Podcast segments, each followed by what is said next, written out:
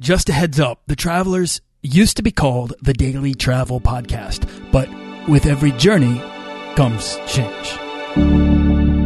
This podcast is produced by Holocene, a community of creative travelers. If you want to get serious about planning that next trip, writing that book, starting that creative project, or launching that business, we're breaking down the barriers between where you are where you want to be together at joinholocene.com. That's join, H O L O C E N E.com.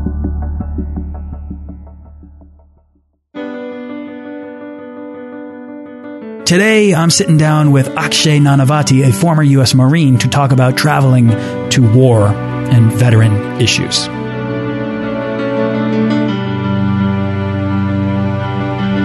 Want to travel further and more often to visit new places and meet new people and expand the role that travel plays in your life? I'm your guide, Nathaniel Boyle, an explorer that wants to help you get out, see the world, and find meaningful, life changing experiences. Everyone wants to be adventurous and have great stories, to do the stuff of legend. This is the Daily Travel Podcast. Before we get started, I wanted to bring to your attention what I've been working on with a group of other podcasters, and it's called Voices for Vets. And what's happening is that over 40 podcasts are coming together to dedicate one episode of their show to talking about veteran issues as they relate to their show. So I was sitting with my friend Steven, who runs the Unstuckable podcast and was a guest on uh, on this show, and we were lamenting the fact that there's no voice of leadership for veterans in this country. And so we thought, well, we have podcasts and we know a lot of people with podcasts. So why can't we all provide a voice for veterans? Uh, and so that's what happened. And that's what's happening on this episode and on over 40 other shows. And I have a guest on this episode who was a former U.S. Marine to talk about his experiences in war, his struggles afterwards with PTSD, and how travel has played a critical role in helping him regain a purpose in his life. So, enjoy the episode, and if you want to learn more about veteran issues and hear stories from inspiring veterans, then head on over to voicesforvets.co. And don't forget to celebrate Veterans Day today.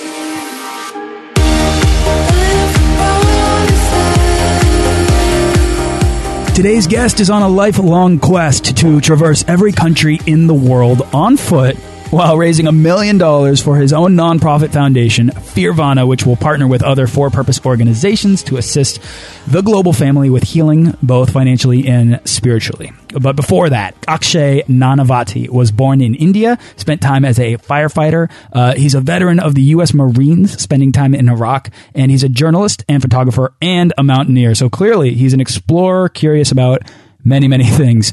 On his website, he wrote something that I can't possibly do better than, so I'm just going to read it. He wrote, I began the last chapter of my life within the purity of nature. It will continue in the realm of humanity's relationship to each other and the land beneath our feet by exploring different cultures, engaging planet Earth, and venturing into the depths of our capacity for evil and good. I push forward in my endless quest to understand the human experience. So, I want to get inside the mind of someone whose life of travel has led him to see the potential for experiencing the world in this way, while also addressing veteran issues for today, Veterans Day 2014, and uh, exploring the future of Akshay Nanavati. So, Akshay, thank you so much for coming on the show. Thank you so much for having me, Nathaniel. It's a real pleasure and an honor. Awesome. So, where where are you right now? I am in Basking Ridge, New Jersey. Now, is that home for you? That is home. Out of all the places in the world, that's where I settled. all right. So, I shared a little bit about you, but uh, I want you to introduce yourself and simplify everything that I just kind of exploded on. Tell us where you're from and how you got started traveling. Yeah, so originally I'm from India, as you mentioned, born there, and I got started traveling because my parents actually felt that it was an, the most valuable education that they could give me. And so even as from young, I moved from India to Singapore, Singapore to United States, and then lived in a couple of different cities around the United States. I've lived in over 10 different cities right now in my life, and my parents just took me everywhere. I mean, when we were even younger, when we lived in Singapore, they traveled throughout Southeast Asia, Australia, New Zealand, Europe, and that, you know, from a young age, I kind of got bit by the bug and just, uh, uh, just saw the value value in it because it gave me perspective in a different way on, on again, on humanity, on human, and how we are all in some ways similar. We all kind of share the same experience of life, the same wants, the same needs, the same joy, the same suffering. But at the same time, we have our own uniqueness. We have our own culture. We have our own differences. And that really beauty of uh, experiencing humanity in all this scale just got me to continue this journey after I uh, left my parents' home and am now on my own. So that's kind of where I got started with it and why I love it. love it. I mean, I, to to travel to to be able to break down the barriers between you and the other, right? In order exactly. to sort of understand the complexities of the world and the differences of other people and and and not just accept that, but actually derive value from them. I think is something that is inherent to travelers. It's something that we all kind of we gain by exposing ourselves to more difference to the point of actually expecting it. Exactly. Yeah. Uh, let me ask you: Do you have a childhood travel experience? That stands out? Because I know a lot of people get started traveling at a young age, and, and those who do, uh, I think, have this relationship between travel and imagination. At least I know that I do. I'm just wondering if you have if you have one that might stick out to you as something you did as a, as a kid. Yeah, I mean, in terms of childhood ones, the one that kind of stands out the most was um, when I went to New Zealand. So there was one experience where we actually went out on this glacier. I think I was, it must have been about somewhere between 8 and 30, maybe 10, 11 years old. And I went hiking with my family on this glacier. And about you know, maybe in probably an hour and a half, two hours, if not more into it, my dad realizes he left he left the lights on in our car and it was getting dark outside and you know this could be a problem. We're in the middle of nowhere in New Zealand right? Yeah. so we kind of rush back as quickly as possible to our car. We get back to our car and this local couple had just been sitting there waiting for god knows how long. I mean it could have been up to 3 hours if not more just waiting to ensure that our you know the car battery hadn't died and uh, and our car would still work. And that was something that just still stands out to me because it just blew me away that somebody would do that. I mean i don't know at the time if i would you know, if, if I had done, would wait for as long as they must have waited for an hour, two hours, three hours to really make sure that, you know, because had they not done that and had the battery died, we would have been stranded God knows where, you know? and so, uh, it was really amazing. It was really just a beautiful experience in, in the human capacity for goodness and love for our fellow human beings. And you know, you're going to expose yourself more to that the more you go to these these remote parts of the world. And yeah. this is west. I'm guessing this is west coast of southern New Zealand. Is that right? I actually could not tell you. Forgive me. I could not tell you exactly where it was. I don't remember uh, where. I mean, I was pretty young at the time, so I don't have an exact recollection of where it was in New Zealand. We kind of covered it a bit. I'll take a I'll take a stab and guess that you were either at Fox Glacier or Franz Josef, which are which are exactly what I said. Okay. yeah, and maybe or maybe not. I mean, there could be there could be others that people go out and hike on. Um, the but the fact that the, the, the west coast of New, of southern New Zealand is the least populated part. Uh, when you go to these remote regions of the world, people begin to sort of there's a community of people that exist in which uh, they rely on each other for for help because you know, you help someone today because next week you you might need the help yourself, uh, and this exists even more so in the in the real tougher sort of uh, you know, the Arctic or, or Siberia or, um, or Greenland. I mean, you're, you're going to find these in, in the places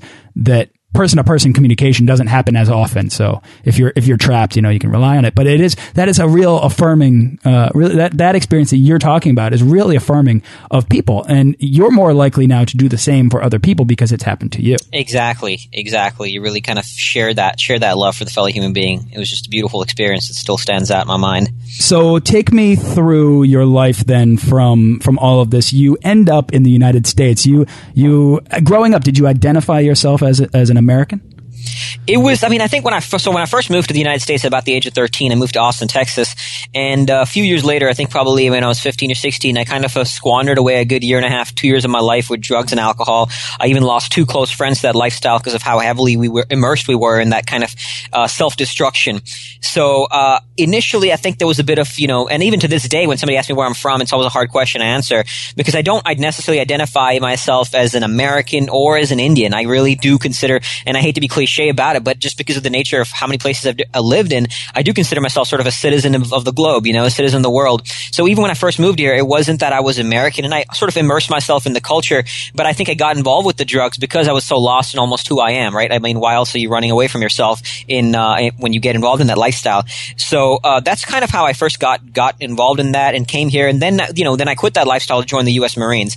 And even then, it wasn't as much about sort of, um, serving, you know, patriotism. It was more about serving a higher cause than myself. I wanted to work with the with I wanted to serve the Marines as opposed to, and you know, any Marine will tell you when you're on the ground fighting, you're not fighting for flag or country, you're fighting for the man next to you, right? So that's what it was about, was for me, as opposed to that life of drugs, that's just pure selfishness, serving something higher than myself.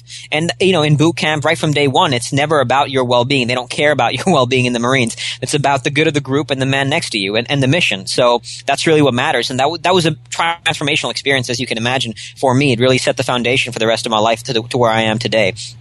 I can imagine, but I also struggle to imagine, and I struggle to to imagine the feeling of everything that is put upon your shoulders when you are fighting for the man next to you in a place in which it is the battle is for life or death.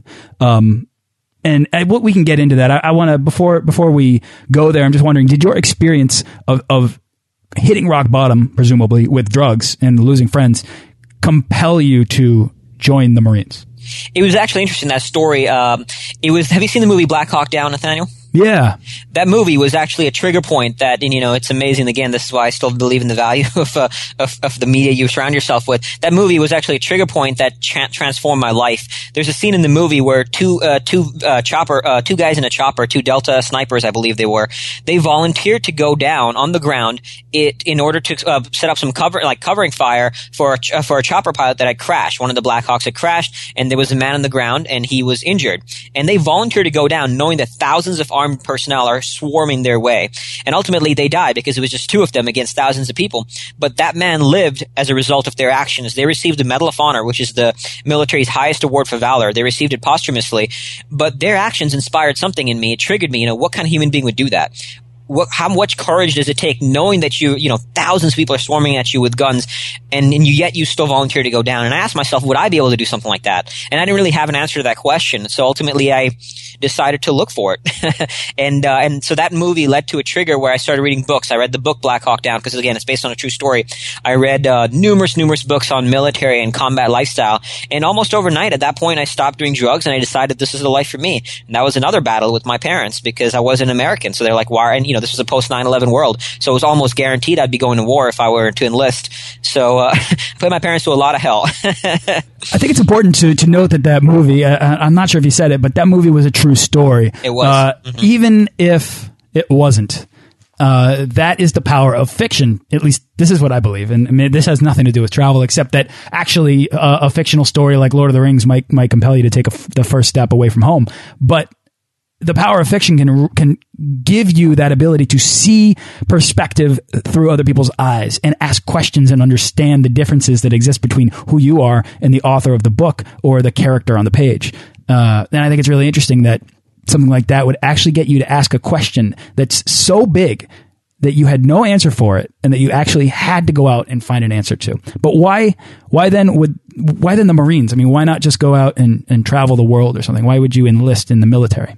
I guess because the way I saw it was war was the uh, uh, war was one of the ultimate ways to bring out either the best or the worst in humanity. You know, we see people doing horrific things like uh, uh you know My Lai massacres and just doing horrific things to fellow human beings. Yet at the same time, we see people jumping on grenades so that, that they save the people around them, or like what the two you know Gary Gordon and Randy Shughart, the two chopper pilots, did to come down and volunteer in, in service of the man next to them. So I wanted to go to that ultimate test to experience what it would bring out in me, to see what, you know, what would result. Would I be, you know, would it bring out the best or the worst? And, and traveling, you know, I had, a, and I guess part of it is also that I had experienced a good bit of traveling before that.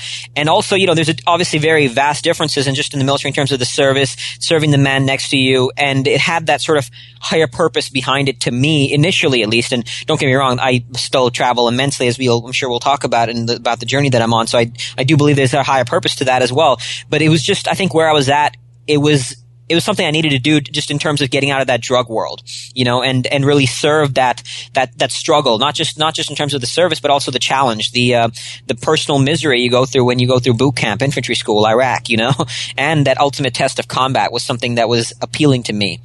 I don't know a lot about it, but I've heard boot camp is a pretty intense experience. uh, and, and talk about transformative. Did you, can you describe that? And did you gain the discipline that I would imagine you might from going through it? Yeah, boot camp was certainly, uh, uh, it was one of those things, you know, when the first week in boot camp, you're like, why did I come here? This is miserable. I mean, from day one, you're getting yelled at by drill instructors and, you know, Marine Corps boot camp is 13 weeks. I don't know if you've seen, have you seen the movie Full Metal Jacket? Yo, I love, Stanley yep. Kubrick's my favorite. yeah. So that movie's a fairly good representation of boot camp, but in some ways for me, boot camp was actually even worse than that. You know, you get no time off, constantly being yelled at. And if somebody, if somebody messes something up, like we had numerous, numerous stories where numerous days where people would, some, somebody in the 90 man platoon would mess up. And what happens is he doesn't get punished, but everybody else in the pl- platoon gets punished for him. And it's a symbol of, you know, teamwork again, because if that guy messed up in, in war and he falls asleep on post, the enemy might go past him and kill everybody else in the platoon, right? So it was this, it was this kind of experience. It was just purely miserable. I mean, I lost a ton of weight out there. I mean, I wasn't super fit at the time because I had just kind of gotten out of this lifestyle of drugs. So in terms of physical fitness, I wasn't the best, but I, you know, I handled it mentally and uh, spiritually ultimately as well. So it was completely transformative. I mean, uh, it just shifted my whole perspective on life. And you come out of boot camp, you almost miss it in some weird way because there's simplicity in struggle. And that's when you almost, I mean, it's almost like I, I found the value in the gift that is adversity through that experience. And that's why ultimately since then, I've found the value in replicating the gift that is adversity through outdoor sports as well. Because you know, we, in some sense, we always look for the easy way out in life, but there's nothing more beautiful and meaningful and impactful in life than adversity. And boot camp was my first experience in that, uh, sort of yeah, in realizing how much of a gift that that it is that real it really is. Let me ask a question. You mentioned over and over again fighting for the person next to you, and I want to continue that theme throughout this interview because it's mm -hmm. fascinating to me. But you know, going through boot camp in which you're almost talking about a pack mentality when one person gets left out because they're the weakest link, right? Mm -hmm. Are are you taught in boot camp to fight for that person next to you so that as a unit you can all succeed? Well, I mean, in boot camp too, it's a little challenging, right? You I mean we had? I'll give you an example of a specific story and why why this presents a challenge in terms of what the question you just asked. So we had one day where the drill instructors essentially starved us all day. At the end of the day, they uh, they they searched us. We know they gave us like a second in the cafeteria hall or whatever, and then they searched us, almost expecting a few people to steal food. I mean, I'm guessing they'd done this before and they knew what they were doing. And as expected, four people stole food. So uh, they took us all to the squad bay. The four people who stole uh, food sat down and watched, while the rest of us had to drink ten of water. And you may think, okay, drinking a lot of water, what's the big deal? But that is a miserable and horrific experience that can actually kill you. So it is a horrific experience. I mean, uh, after three canteens, everybody's throwing up, if not too. And so everybody's throwing up and they keep making you drink more and more and it's just miserable. You, you constantly throwing up. And then he asked the guys, you know, why did you steal the food? And the four of them said they were hungry. And at that point, we were all hungry. So it's one of those things you don't feel sympathy for them. You're just mad at them because you realize that, you know, we're all hungry. So don't show me that weakness. So it's, in some sense, it gives you a hardness, like a numbness to other people's weakness because you, you're all suffering together. So when one person shows weakness, you know, who are you to complain about it when we're all going through it? It's not like he's going through anything worse than we are, right? So in some sense, it does that. But in other sense, you almost form a, a, greater camaraderie with the people you're struggling with. So there were, I mean, in boot camp, there were kind of the, uh, uh, the, uh, the as we call him in boot camp, who who stand out by week two, and those guys are tend to be tend to be a little ostracized until they either kind of square themselves away, they get their act together, and then they they join the uh, the group, you know. But so that so there is a kind of a distinction that forms, but also in some sense the greater camaraderie that forms with the shared misery. And it's about whether the other person embraces that misery or whether he, you don't tolerate, I guess, complaining and weakness in boot camp. And that tends to die down a little bit maybe when you get out of boot camp. Boot camp is sort of just an initiation, right? So when you're in your unit, it's a little bit more calmer. People aren't yelling at you as much. So there's more of a mentorship. It's more like, okay, if, if you see some weakness, let me help you through it and mentor it, right? But in boot camp, not so much. In boot camp, it's just not tolerated by the drill instructors or by the, uh, by the rest of the platoon because, like again, like I said, it's an initiation, and we don't have room for that. We're we're all miserable. yeah, I mean, for someone who's who's right now today fighting for the beauty of humanity and trying to highlight these things. You speak highly about this experience, right, in boot camp, and it's really ironic. And we haven't even we haven't even gotten to war yet, and I'm already like, how? At what point does your perspective change in which you begin to focus on the beauty of others? But let's not let's not jump the gun. I'll just ask you, just to some, just to tie that up. Do you distinguish the reality of boot camp with the greater reality of life? I think like anything, you know, it's been when you if you look at it this way, ultimately we choose we choose all the meanings we attribute to life experiences, right? It is a metaphor for life, right? I mean, you get to uh, in in boot camp. There's there's moments of kindness, there's moments of just misery, of suffering, and uh, I mean, there's immense structure to it. And when you replicate that structure, I mean, again, that's one of the reasons why you miss boot camp is the simplicity of it. You realize that there's a true simplicity in adversity, and that's what had me seek it out. Like when I go for a, a ten hour run or seven hour run, there's real simplicity to that moment. All you got to do is put one step in front of the other. So there's definite connections you find. And obviously in many ways it's completely separate and removed from anything else I haven't experienced in my life, right? So there is that distinction from that experience, but it does tend to be a sort of metaphor for the rest of my life and, and the challenges, you know, like the, uh, uh, yeah, the challenges you face and the challenges you get to overcome and how you can ultimately do anything if you really put your mind to it, you know? Okay, so take us then, because that is a really that's a really key point that you just made, uh, because it really gives you this this inner strength almost to overcome these enormous obstacles in life. Which, when you're traveling on the road, if you want to challenge yourself to become a better or the best version of yourself, obviously these skills uh, are, are great to have, and that's kind of what you're up to now, and that's that it, that all kind of reconnects very very well. But take us right now, if if you can, to war, Akshay. Uh, uh, however far you're willing to go back comfortably, mm -hmm. um, take us to the experience then of of Iraq and how what what this did to you and uh, and how it changed the direction of your life going forward. Sure. So uh, so right, right after I got a boot camp and got into my unit, I was constantly volunteering to go to Iraq because again, as I said, I enlisted with the desire to go to combat, you know, having the sense of feeling that this, that combat was the ultimate test of, uh, of humanity. So, um, so I constantly volunteered. I, twice I got called up and the last minute they canceled my deployment and I had to sort of withdraw from college and then come back in because I was in the reserves when I first enlisted. So finally in 2007, 2008, I got my, got my sort of, I call it the opportunity to go. And, uh, this was closer towards the end of the war, so it wasn't like firefights were happening regularly. It wasn't. And I went out with a sort of naive sense of you know what ex- you how you have expectations in war, and that's all. Again, it was, it was, very naive of me to come to this with with this level of expectations, and to kind of preface it also, right? Two years before, I mean, not even two years, three months before that, I lost a very close friend of mine in Iraq. He had gone there before I went, and we had always volunteered to go together. In fact, we wanted to go to Iraq together. One summer, I was actually traveling to India uh, where my family lives, and he ended up finding a unit to go with, and he went without me, and he got killed. So wow. there, there, was almost there was always this sense of guilt, and today today I can openly talk about it with this, this sense of comfort, but you know, two years ago I could not have. And, um, I, you know, there's still a sense of guilt. It's just now I can handle it. I can process it in a much better way. That that I wish it, I had gone with, out there instead of him, and it had been me instead of him. So when I got my opportunity to, to go to Iraq, there was always the sense of guilt that you know that I don't want anybody to die on my watch. But again, that's very naive to even come from that place because how can you even control it, right? Like how, how can you control whether every uh, who lives and who dies? But going out there because it was closer to the end of the war, there wasn't firefights happening regularly. So I was then miserable that it was almost, I was upset and angry that it wasn't what I expected in war, that it wasn't, you know, war in that sense that I had seen in the movies. So for the first two months, I was just miserable, angry, retreating into myself, hating the experience. And you know, we still had incidents, like we had fire, like rounds go off here and there. We had an explosive that hit the base right across us. So we had small little things. But to me, with the level of risk and, and, uh, tolerance I had developed for risk as a result of all my experience in outdoor sports before this point, I had almost died numerous times on rock faces. I broke four bones in three months. So I'd done all kinds of crazy things that, that had upped my level of, uh, the tolerance that I had for risk. So I wanted more. I wanted more. And as a result of not getting it, I was angry. And then two months into Iraq, this is when sort of I had this transformative experience where I realized that the war is not going to change. The external reality is not going to change. The only thing that could change was my attitude towards it. And uh, have you read Viktor Frankl's Man's Search for Meaning? No. Sounds interesting though. Amazing, amazing, amazing book. He was a psychiatrist who survived the Holocaust in Auschwitz. So obviously, guy went through hell. And he talks about in his book how in any experience we can find empowering meaning to it if we choose to.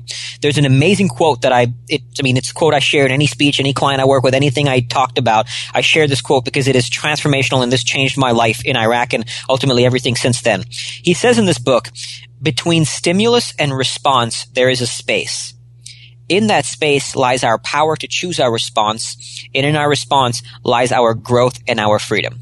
Oh wow, yeah. So the point being, between any stimulus, between anything that happens in the world, you know, the Yep. economy being bad, you don't like the uh, the president, you don't like anything, and between you know suffering and war, you get to choose your response to it, and that's our greatest power as human beings. And so finally, three months into the war, I ultimately started having fun. I embraced the experience, and I embraced the misery that we did go through, whether we're living out in an abandoned train station in the middle of winter in Iraq for a month, which was again miserable, but you find joy in that experience, you know, and uh, and I ultimately found value in that experience as a result. So I came back home more empowered as a result of having shifted my own perspective. And that was a transformation moment for me to realize that even in hell, you can find more meaning to it. You can choose how you interpret the experience.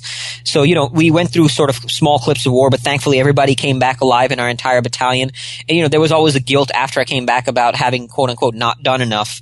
But I think no matter how much you do, every veteran I've spoken to has that feeling. And the weird thing is the inevitable sort of end to that feeling is dying in war, which at the same time we don't want. So it's kind of this weird dichotomy you, you face as a veteran, I think. Sort of survivor's guilt, if you will. Interesting. All right. Oh, how to reconcile that seems really. That sounds like a really hard thing to tr to attempt to reconcile once you get home. Especially, I mean, when you're there, you're struggling with it, and then you've you survived, but you don't have the.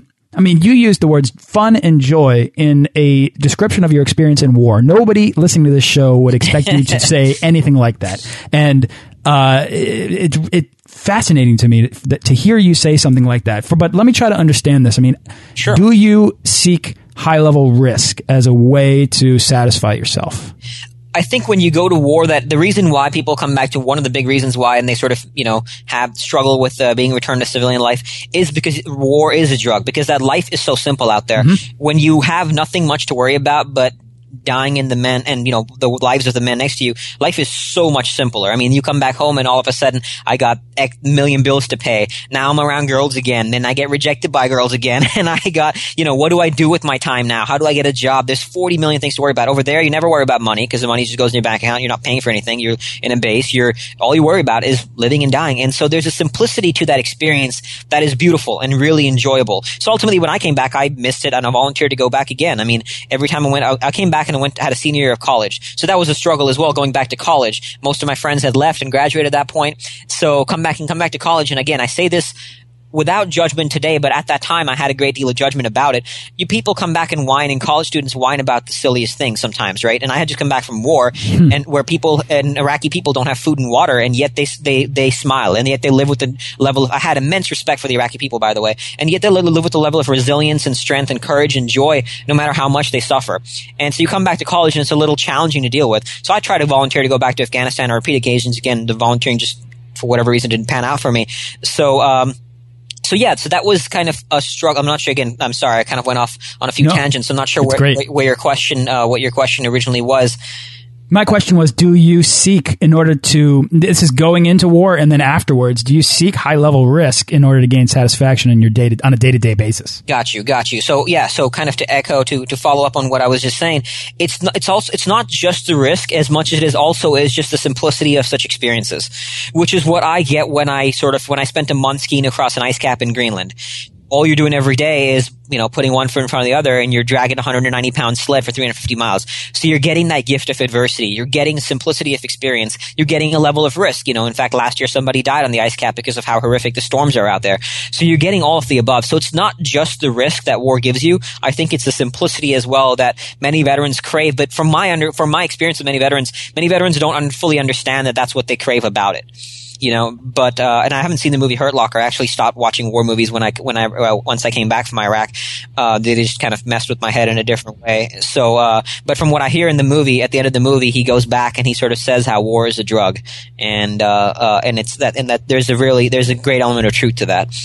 It's the simplicity of such experiences. That's that's what you just said, and uh, you know you've kind of helped me to realize that I speak all the time on this show about there being an addiction to new experiences, and that I think travelers have that. They want to go out and seek the new, right? But what what I think I've never realized until just now is that it it helps you having a new experience helps you to forget the complexities of your everyday life. And perhaps that's why this addiction uh, exists. Exactly. I couldn't agree with you more, and you put it beautifully, Nathaniel. I mean, and I think the hard part is sometimes this that, tra- that constant transitioning, right, between that experience and then coming back home and then going back out. It's uh, it's I, I found that to be a big, big challenge for me as well. It's almost, I mean, it's like, I mean, when you come back from Greenland in a month, you're almost in some ways in a war zone in its own, in its own way. Obviously not exactly, but in its own way. And, uh, now you've got to readjust again to life. And it's that constant readjustment that can be a challenge, but it's also sometimes the beauty because if life was static, what is the point, right? So the dynamic nature of it makes it really worth living and exciting. Fascinating. So you mentioned before the interview that you came home and you are particularly sensitive to post-traumatic stress disorder, PTSD, which you were actually diagnosed with. Mm -hmm. um, and I want to get into that because I want to understand exactly the reason that maybe that you see uh, in your experiences with it, the reason why this is such a big deal amongst amongst veterans in this country, mm -hmm. and and really why it, it, it continues to be this issue that people are struggling to address. Yeah, got it. And I think as you're about to hear, I'm going to have, have, a somewhat different take on it than from what many I've uh, uh, encountered. And I'll explain why. So when I came back, you know, I was a little bit jumpy around. And again, I probably experienced much less, com- I mean, much less sort of kind of combat than many other veterans did. So there was always an element of guilt that what's, how can I even complain about suffering because I hadn't even gone through this crazy level of combat, right? So, um, and again, the crazy level is ultimately no end to what that could mean. So anyway, you know, I came back and I still, I would be more, I would jump when there's loud noises, probably more than the average person. I'm more vigilant than the average person. Uh, like even to this day, my wife, if she's walking right behind me, I'll be like, stop it, you know? I have this weird sense of like just vigilance around me. I, um, I don't like being in crowds for that reason. So for all those reasons, you know, the VA ultimately diagnosed me with PTSD. And so then I started doing more research on the subject and and I'll, and I'll, uh, and it ultimately hit me that just because you have these symptoms of, you know, jumping loud noises, sometimes nightmares, flashbacks. I mean, when I was out in Greenland, I had this weird day where suddenly I'm, I was out skiing and suddenly tears started coming down my, uh, coming down my face as I was thinking about my buddy who died in war and, and uh, what he must have gone through and all these kind of things. So suddenly that moment just hit me and I had, you know, dreams about it that night as well in Greenland. It was just kind of weird that it came to me on this ice cap somewhere. So, but my, what my realization was just because you have these quote unquote symptoms doesn't mean it's a disorder. That is a very human response to an experience like war, to an experience as shocking to the mind, body, spirit as war. So but the problem that we have as a society and, and the belief that we've created is that these symptoms equal disorder. These symptoms don't equal, don't have to equal disorder. These symptoms are just human symptoms in response to war, but they could also lead to growth. And so, and there was this great book that I read in my research after being diagnosed and after trying to understand this, this condition that, uh, one of these, one of these psychologists went to West Point, the military academy, and he asked the cadets, how many of you have heard of post-traumatic stress disorder? and 95% put their hands up. He asked them how many of you know of post-traumatic growth. Less than 5% did. And the point that he was making is that we, we set up veterans to believe that war is going to equal trauma. That war, I mean, war is going to equal disorder. It's almost like you're going to come back from war being messed up in the head. And to this day, I mean, that's the biggest stigma I talk about when people, when I talk, share with them I'm a veteran. It's, you know, often in America I get thank yous, which is obviously very, you know, I, really appreciate that. But I get thank yous, and I also get this sort of sentiment that there's something wrong with me and poor you, you know? And, and that's the problem I think that's set up, and not just by, I don't mean to say on a civilian level, by military as well, is that we, we tell our veterans on a subconscious level that they're going to come back from war messed up in the head. And so it becomes a self-fulfilling prophecy. But if we set a belief that trauma, that adversity, that war is a source for growth, then that's ultimately what'll happen. We're just, all we do is we're ascribing to a belief that's conditioned into us. So, I mean, because there's numerous veterans and numerous other people that have done that come back from war with growth and, you know, just immense levels of growth. They've done studies that showed after 9-11, most of the, many of the survivors who experienced it actually had higher quality of lives after it. Because, you know, like they say, when you have near-death experiences, it shifts your perspective on what's important, right? right. So there's levels of growth that can be had in war and, and had in uh, experiences like such a traumatic experience if we choose to set a belief that that is a normal experience of trauma. So right now, my problem is that just because somebody has these symptoms, we don't throw a label at him because when you, when you ascribe him to that label, then he believes he has that label. And I was diagnosed and I didn't believe that diagnosis, so I chose not to believe that label. And I always mention that I was diagnosed because it's, you know, it's a point that I want to stress is that I never say that I have PTSD. You might notice, like I always say I was diagnosed with it because I don't think I have it. I have symptoms of what they would call PTSD, but just because I have that doesn't mean it's a disorder. And that's what I really try to stress to any veteran listening to this and any veteran I speak with is that that you don't have to ha- believe that you have a disorder, even if somebody tells you you do. That's a choice you can choose to ascribe to that label. And the label we, the labels we choose for ourselves define how we live our lives, right? I mean, people don't say, I am, my mind is feeling depression. They'll say, I am depressed. I am sad. I am angry. We, we assign labels to, and then we define ourselves around this. You know, I'm a de- person with the depression. So now I, no matter what, I'll, or even if we look at it from a political view, I'm a Democrat, I'm a Republican. And then we'll fall into these criteria that are set under us, right? If we have those labels. So that's my problem with it and how we treat it right now is that we've set it as so normal. We've, I mean, die, why are numbers ju- jumping in terms of how many veterans have PTSD? I don't think it's just a matter of the trauma they're experiencing. It's the number of, it's the number of it's, it's how easily we're, get, we're assigning this diagnosis. I'm fascinated by all of this. So, but, but here's the thing, not owning in on a problem can make it really difficult to heal. And I know the healing is a big thing, and, and I'm going to use this as a segue into the next part of the show. But uh, addiction, for example, you need to recognize that you have an addiction in order to begin to heal from it, right? Um, so how how would you how would you respond to that? I'm just curious. Yeah, no, that's a great point, and thank you for addressing that because I actually struggled with alcohol addiction after I got back as well. And the only point when it finally changed was when I realized that I have a problem with it.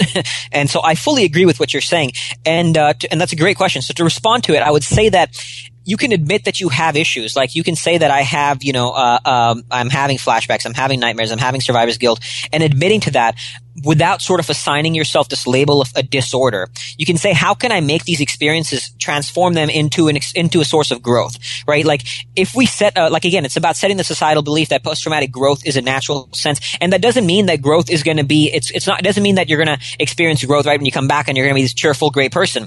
You can acknowledge that you have these problems. You can have these issues. You're struggling with it without assigning a label to it that'll ultimately become the self fulfilling prophecy. Because what happens uh, when they assign PTSD, and this has been shown, many veterans then get disability checks, and then they choose to assign to stay in that label, and it becomes this. Uh, on and again, neuroscience has shown that that we we we control far less of our brain than we like to think. Right? We operate from a subconscious brain far more than we do from a conscious brain. So when subconsciously we define ourselves as such, we stay in that label. So it's it. So I agree with what you're saying, and there's a balance between admitting you're a problem. Like, okay, I admit that I have a, a problem with alcohol. Let me now do something about it. So okay, I admit I have this issues with trauma. What can I do about it. Let me see how this can equate to post traumatic growth. So there is that balance between admitting that there's something wrong, but without ascribing to a label that then then then feeds into what is wrong. Because then it's like I choose not to get out of it because oh, you know, I do have post traumatic stress disorder. So I so if something happens, like if I, you know, jump when there's a loud noise, it's because I'm messed up in the head. As opposed to, oh, because this is just a normal reaction to war, uh, it doesn't mean I'm messed up in the head. I can now do something with it. So I'm not sure if that fully answers your question, but there's kind of that balance I think to be had. I, I think I mean I think it's a human answer, but what's what's interesting and what I'm pulling out from this is is I don't know. Actually, we create the idea of disorder right by finding patterns, by ascribing ascribing patterns, and you say you had flashbacks when you were sleeping, right? So like uh, that's one symptom, and that's what we call them. We call them symptoms. But mm -hmm. you are flipping it, and you're embracing the chaos of being human by finding order in your symptoms, right? Exactly. That's a oh man, you put it beautifully. Interesting. and so I'm just curious. Then, did your having a travel background, experiencing the complexities of the world and all of the differences and the nuances of people out there that exist, did that maybe help you come to the conclusion that you're at today? I definitely think it did. You know, it was definitely a bit of my experience with that, a bit of again my research and like again reading that Viktor Frankl book because again how you can choose to to find uh, empowering meanings and everything, right? But the the travel really helped because again it gives you that perspective. So when I was out in Iraq, you know, as I said, I really admired the Iraqi people. I learned so much from them, great people, and and you see that even out there in a war zone, you know, that most of them just want to have normal lives. They want a good life, take care of their family, and really that's the same things we all want, right? And so travel kind of opened me up to that as well because it got. It got me to see how we all really want that. And no matter where we're from, we all go through suffering. You know, whether whether you are in trauma in this war zone or whether you're born into immense poverty, whether you suffer through a genocide or whether you're a millionaire celebrity, we all suffer. I mean, why is Whitney Houston o- overdose on drugs? She was obviously internally suffering in a way that maybe somebody on the streets of India is not. So suffering is not relative to the external conditions. It's more relative to the internal conditions going on within us. Do you, uh, does that make sense? How it doesn't matter what our external reality, we, we suffer, right?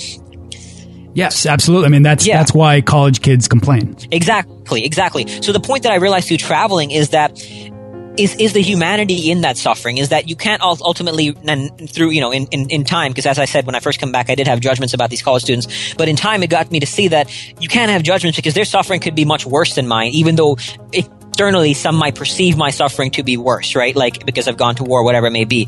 So you, you, so through traveling, you release these judgments because you get to see how we're all just human in this, in this journey, and we all experience the same joys, we all experience the same suffering, regardless of the external reality that it may be. So now that we've covered all of these military things, and I and and you know it's Veterans Day, and I really wanted to deep dive into all of this experience and how it changed you and where it's put you today to do the Yeah. thing that you're doing today. Uh, I think it's really interesting, and I think it's a, it's so full of sensitivity uh, that it's it's really hard to. Uh, to speak on this stuff, but you do so eloquently. So I want to thank you for you know bringing up everything, sharing all of this, and and uh, not only that, but having a a, a well spoken opinion on the matters uh, that I'm learning from this conversation, and I hope a lot of people are learning from. You've been listening to the first part of an inspiring conversation with former U.S. Marine Akshay Nanavati. Uh, tune into part two tomorrow, where we talk about his impossible quest to run across every country in the world. Also, if you want to hear other inspiring stories from other veterans uh, and learn more about veteran issues, don't forget to head on over to voicesforvets.co to see what's happening over there. Thanks for listening to this episode of the Daily Travel Podcast. For show notes and links to everything in this episode and more, head on over to dailytravelpodcast.com. Join our Facebook page of explorers and subscribe to our newsletter for the best deals and resources to help make your next trip life changing.